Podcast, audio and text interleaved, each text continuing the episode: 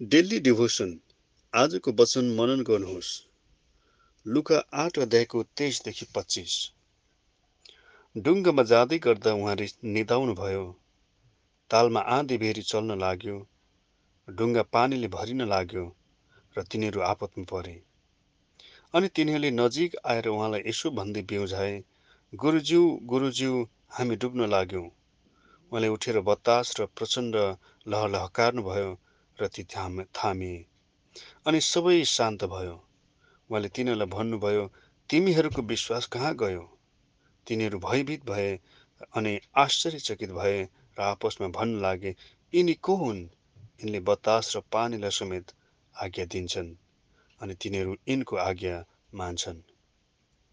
यसु प्रभु डुङ्गामा चढेर ताल तर्दै गर्दा छाल आयो।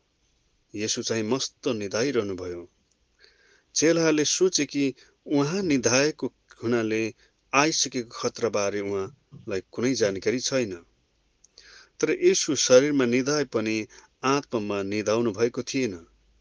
उहाँ सबै परिस्थितिमा कहिले बेखबर रहनुहुन्न?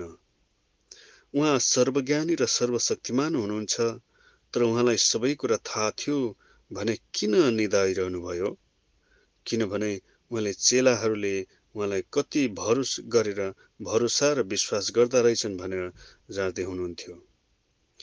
प्रभु नै डुङ्गामा हुनुभएकोले जतिसुकै खतरा भए पनि उनीहरूलाई ठुलो असर पुर्याउन अघि नै उहाँले बचाइहाल्नु हुने थियो। तर उहाँप्रति व्यावहारिक रूपमा नै विश्वास गरून् भनेर उहाँ चुपचाप निधाइरहनुभयो। आज यसु तपाईँको जीवनमा पनि साथमै हुनुहुन्छ। यदि तपाईँ पनि जीवनमा त्यही तालको छाल झैँ चुनौती र समस्या झेल्दै हुनुहुन्छ भने साहस गर्नुहोस्। तपाईँसँग हुनुभएको यीशु निधाइरहनु भएको छैन तर तपाईँले उहाँलाई कति विश्वास गर्दो रहेछ भनेर जाँच्दै हुनुहुन्छ। उहाँको एक वचनले चुनौती र समस्याहरू हट्न सक्छन् समुद्र र बतासले पनि उहाँको आज्ञा मान्छन्। तर उहाँ तपाईँसँग हुनुभएकोले आँटिलो भएर र उहाँमा विश्वास गरेर चुनौती र समस्याको विरुद्ध हट्ने आदेश दिँदै उहाँमा खडा भएको हेर्न चाहनुहुन्छ।